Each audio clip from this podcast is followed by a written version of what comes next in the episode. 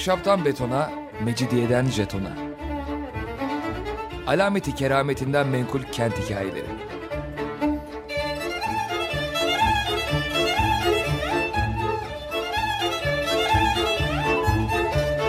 Hazırlayan ve sunan Pınar Erkan.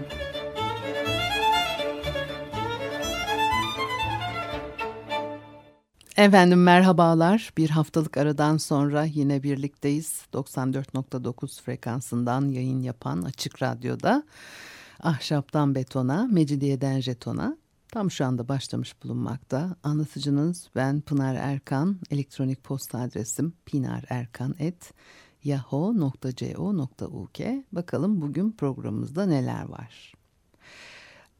16. Ee, yüzyıldan başlayarak Türkler Yunanistan yarımadasına ve adalara e, hakim oldu. 17. yüzyılda keşifler çağının ardından batılı birçok gezgin her yere gidiyor. Adeta bir gezginler çağı yaşanıyor bu zamanda. Bunların büyük kısmı macera peşinde elbette. Değerli hazineler bulmak ümidi içerisindeler. Bir süre sonra e, bilimsel incelemelerin konusu olacak e, arkeolojik malzeme arayışına giriyorlar. Örneğin bir İngiliz diplomat olan Arundel Kont'u e, bu alanda çok maharetli ve antik yazıtların, heykellerin peşinde. İngiliz aristokrasisi e, Yunan sanatına büyük tutku duyuyor ve ciddi hazineler biriktiriyorlar. Onlarla da ilgili e, Lord Elgin'in hikayesini anlatacağım. E, Fransa'da Mazarin ve 14. Louis de aynı niyetle diplomatlarını teşvik ediyorlar. Marquis de Nontel Fransız elçisi ve İstanbul'da 9 yıl kalıyor. 17. yüzyılın ikinci yarısında e, Sofa e, kriziyle ülkesine dönmek zorunda kalmadan önce ve 9 yıl boyunca e, Kiklat adalarında araştırma yapıyor. Şarkiyatçı Antoine Galan ile birlikte bir bilimsel keşif gezisi e, yürütüyorlar. E, bu konularda çok aktifler. Yazıtları tespit etmek, mimari parçalar, e, çömlek gibi objeler toplamak, e, heykel ve anıtların çizimlerini, e, rölevelerini çıkarmak gibi işler yapıyorlar. E, yani kendileri yapmıyorlar bunu elbette fakat görevlendirdikleri bir ekipleri var. E, bu konuda ciddi bir e, ve azimli bir çaba içerisindeler. Bu arada Partenon'daki alınlık, e, metop ve e, friz figürlerinden e, iki yüzünün çizimlerini de yaptırıyorlar. Bu çok meşhur yani bir de hala daha bitmemiş bir konudur. E, Fransızlarla ilgili olarak değil ama İngilizlerle ilgili olarak içlerinden bir bölümü 1687 yok olmuştur bunların. Yani o Partenon'un e, parçaları kısmen yok oluyor. Nedir o hikaye? 1674 ee, yılında çizimleri yapılan tapınak hala tek parça halinde. E, Osmanlı orasını cephanelik olarak kullanıyormuş o dönem. 1687'de e, Venedikli Morosini e, Akropoli'ye bir baskın düzenliyor. Ve bombardıman yani. Ve içerideki barut ateş alınca e, bakmaya kıyılamayan e, Partenon'un çatısı uçar.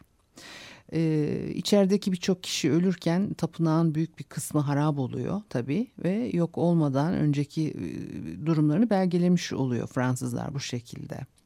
Onun için yani bu çizimler ve çalışmalar kıymetli. Marquis de Rontel e, Yunan kalıntılarından öylesine etkileniyor ki Roma'dakilerden daha üstün olduklarını e, söyleyenler arasında belki de ilkidir. Yani çünkü tabii bu da hep e, süreç içerisinde konuşulmuştur. Roma mı daha üstün, Yunan mı daha üstün filan diye.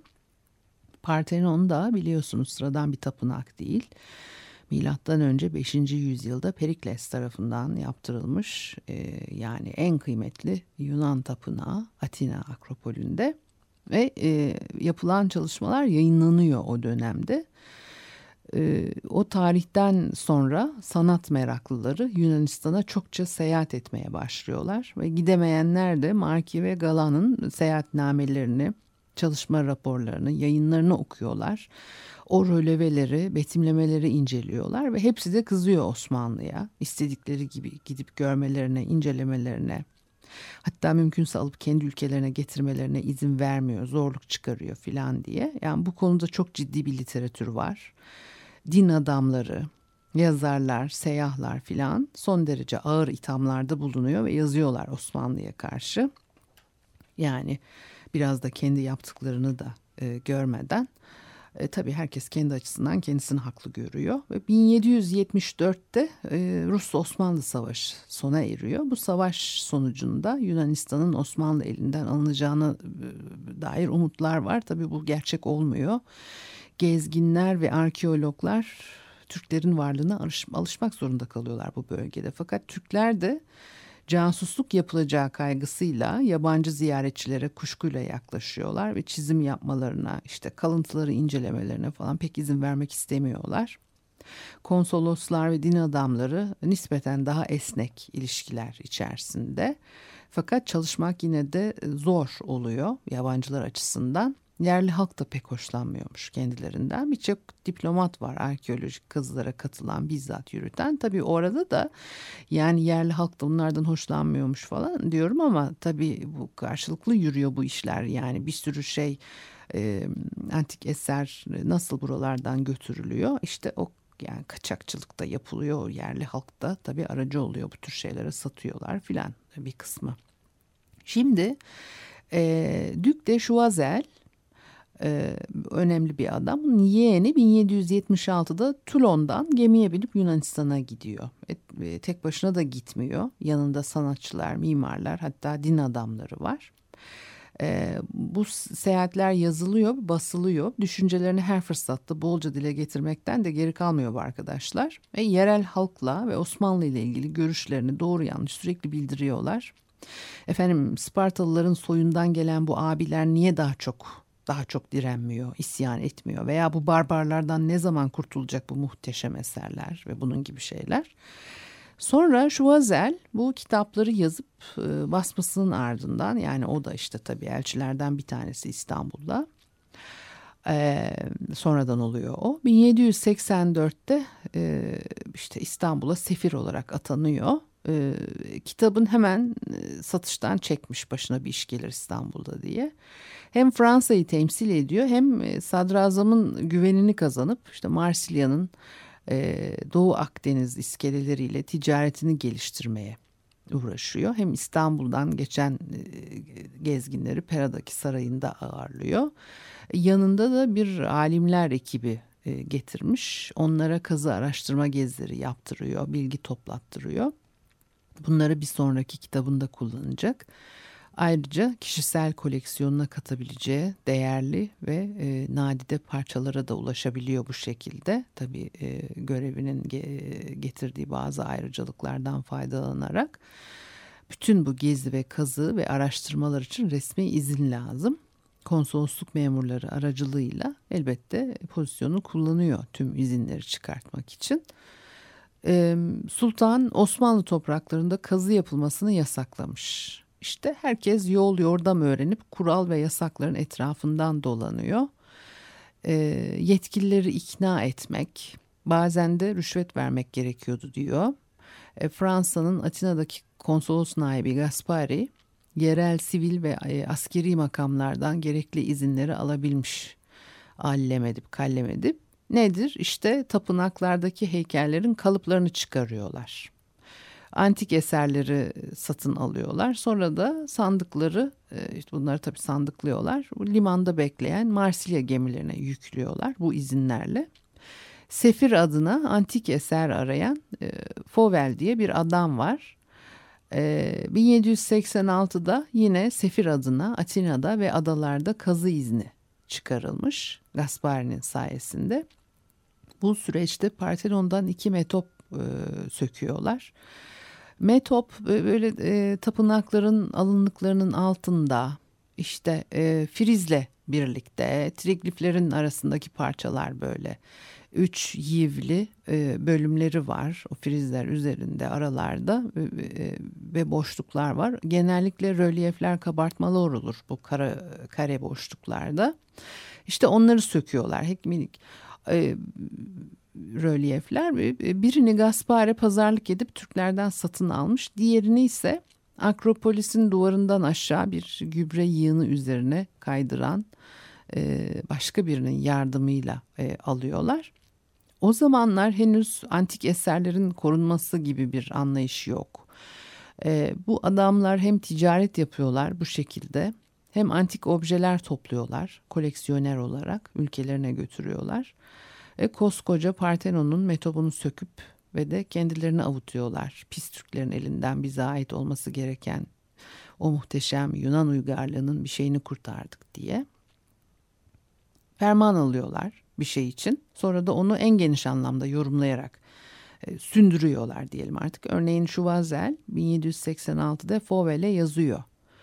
Bu fermanın birkaç güzel kabartma almanız için bir bahane olmasını isterim doğrusu. Madem ki Akropolis Kalesi'nin komutanıyla aranız bu kadar iyi, bu iş herhalde daha kolay olur. İyi korunmuş bir karyetit varsa niye onu almayasınız ki? Sonra yöntem öneriyor Şuvazel Fauvel'e. Güzel yazıtları yerinden çıkarıp alamaz mısınız? Yerlerine başka taşlar koyarsınız. Bulduğunuz her şeyi almalısınız, diyor. Ne alabiliyorsanız alın. Atina ve civarında yağmalanmaya değer ne varsa hiçbir fırsatı kaçırmayın diyor. Şu Azelle de başka bir iş bilen yol göstermiş İstanbul'a ilk geldiğinde. Türkleri bir iş yapmaya razı etmenin en güvenilir yolu bunu onlardan asla doğrudan istememektir. Sonra Bonaparte Osmanlı toprağı Mısır'a sefer açtığında Osmanlı topraklarında yaşayan bütün Fransızlar hapse atılıyor, mallarına el konuyor Fransız faslı da böyle bitiyor. Sıra geliyor İngilizlere. Şimdi bir müzik arası verelim. Ondan sonra da İngilizler neler yapmış onları konuşalım. Müzik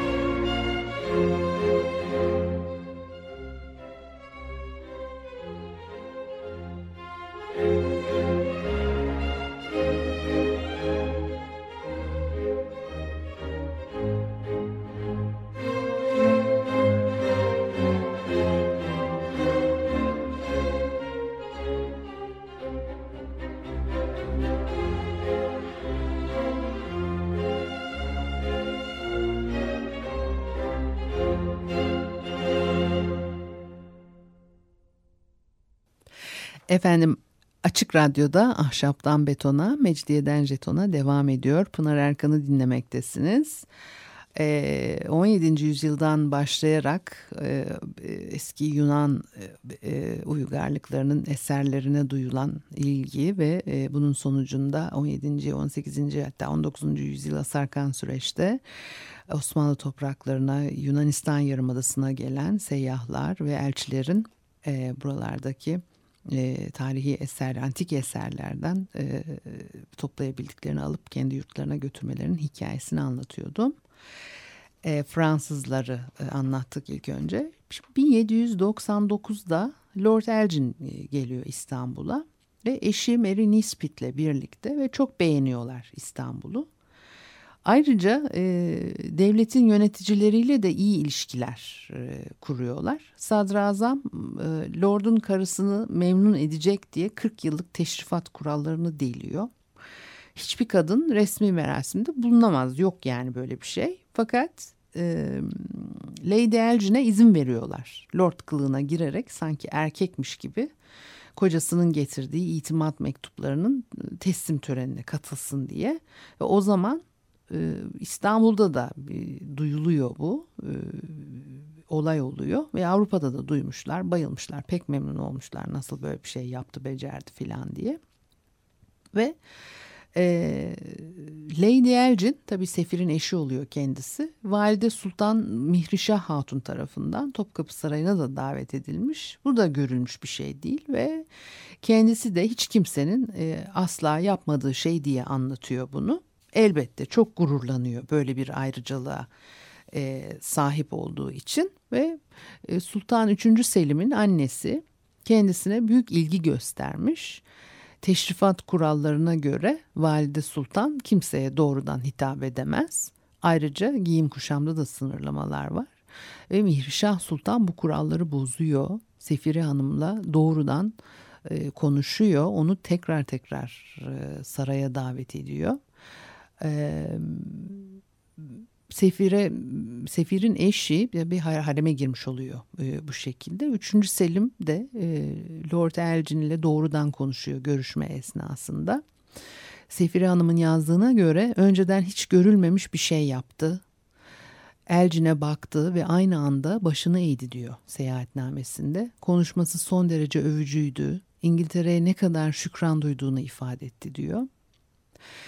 E, Lord Elgin bütün bu ilişkileri kullanıyor ve Atina e, gelirleri ve Akropolis'le ilgili her şeyin kontrolü Valide Sultan'a e, ayrılmış ve bu ilişkilerle başkalarının alamadığı çeşitli izinleri sağlıyor bu süreçte ve Yunanistan sanat eserleri e, e, satın alıyor. Daha önceden oluşmuş antik eser pazarının e, dışına itmeye çalışıyor Fransa'yı. Çünkü o zamana kadar tabii Fransızlar etkiliydi hazır Bonaparte'ın seferi nedeniyle Fransız vatandaşları gözden düşmüşken o fırsatı değerlendirmeye çalışıyor.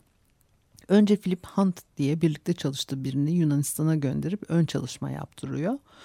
Onlar da kalıp çıkarıyor, çizim yapıyor, tespit yapıyorlar ve 1802 yılında Lord eşiyle birlikte bölgeyi ziyaret ediyor. E, e, Akropol'e özel ilgi gösteriyorlar. Sefir Sultan'dan e, işte bir e, ferman e, almış. Bu ferman da çok şaibeli. Daha sonra çıkıyor mesele ortaya. Tapınağın alçak kabartmalarını söküp taşıtma izni. Fakat işin aslı böyle değil. Bu ihsan İngilizler ve Osmanlıların 1801'de e, Fransızlara karşı kazandıkları zaferin arkasından e, geliyor. Fransızlar bununla ilk defa Mısır'dan çıkmaya başlıyorlar. İngilizlere de yardımlarından ötürü işte bir hoşluk yapılmış birbirlerinin e, hoş tutmaya çalışıyorlar çıkar ilişkileri söz konusu olduğu için. Ve Sefire Hanım annesine mektup yazmış kocasının iş arkadaşlarının durumundan ne kadar sevinçli olduklarını anlatıyor. Hant gökleri uçuyor. Çünkü ferman kusursuz ve tercümanımız iradenin aynen tercüme edildiğine bıyıkları üzerine yemin ediyor.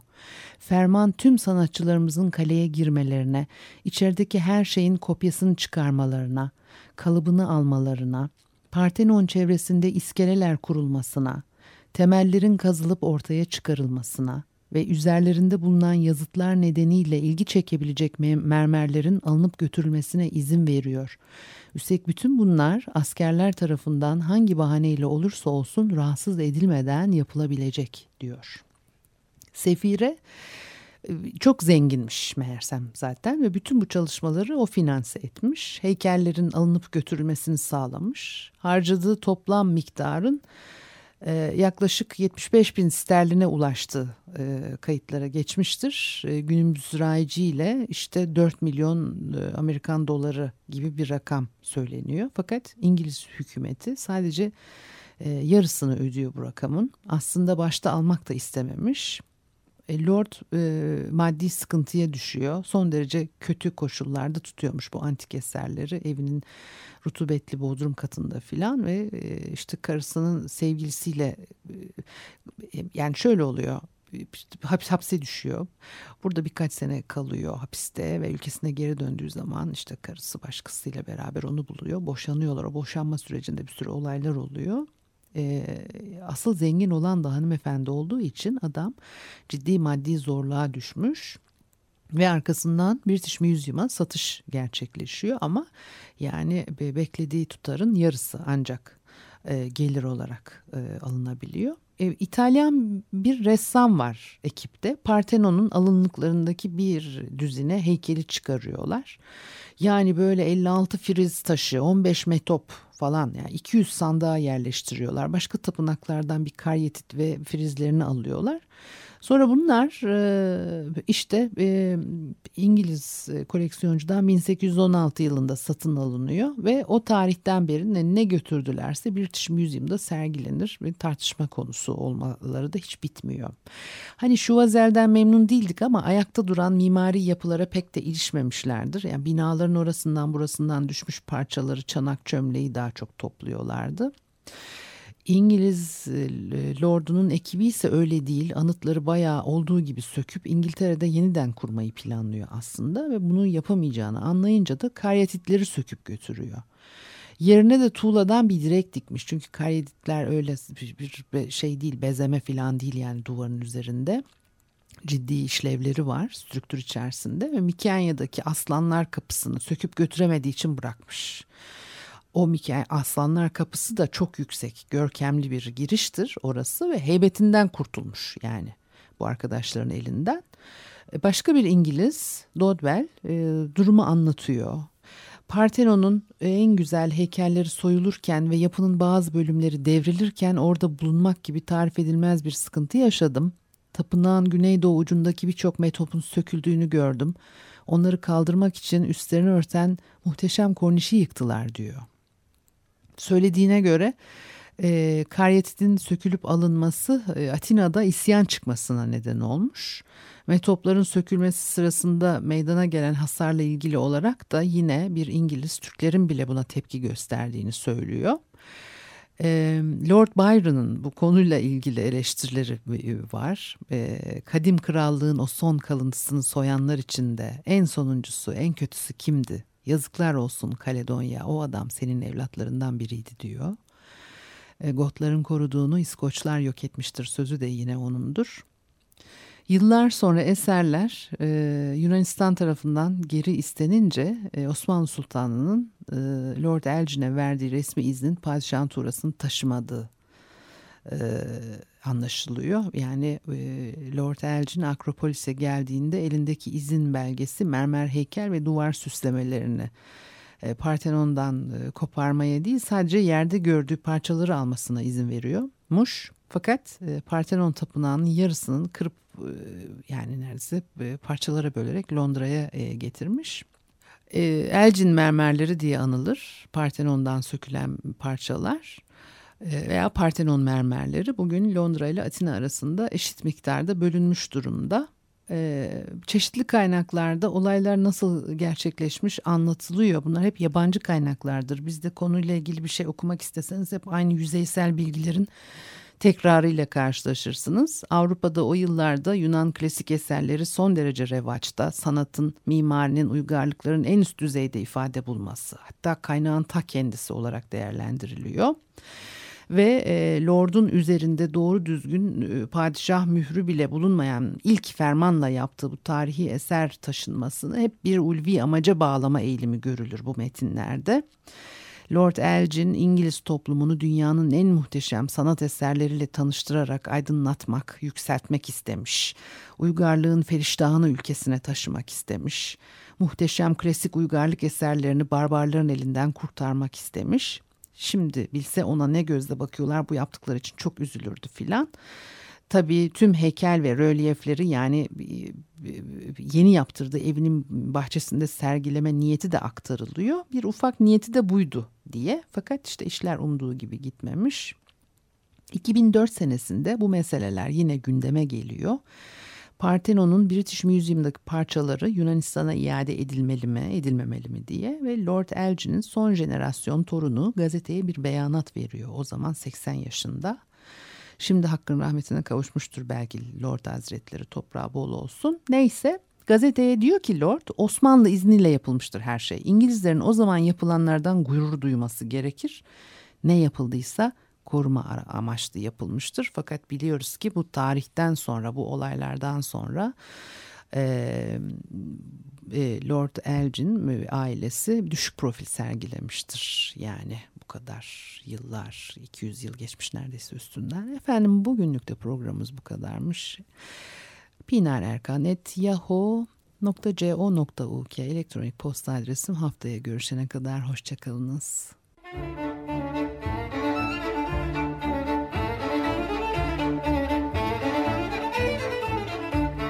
Ahşaptan betona, mecidiyeden jetona. Alameti kerametinden menkul kent hikayeleri.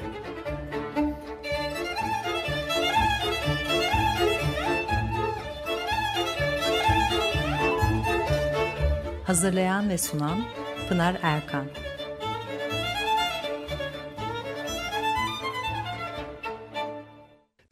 Açık Radyo program destekçisi olun. Bir veya daha fazla programa destek olmak için 212 alan koduyla 343 41 41.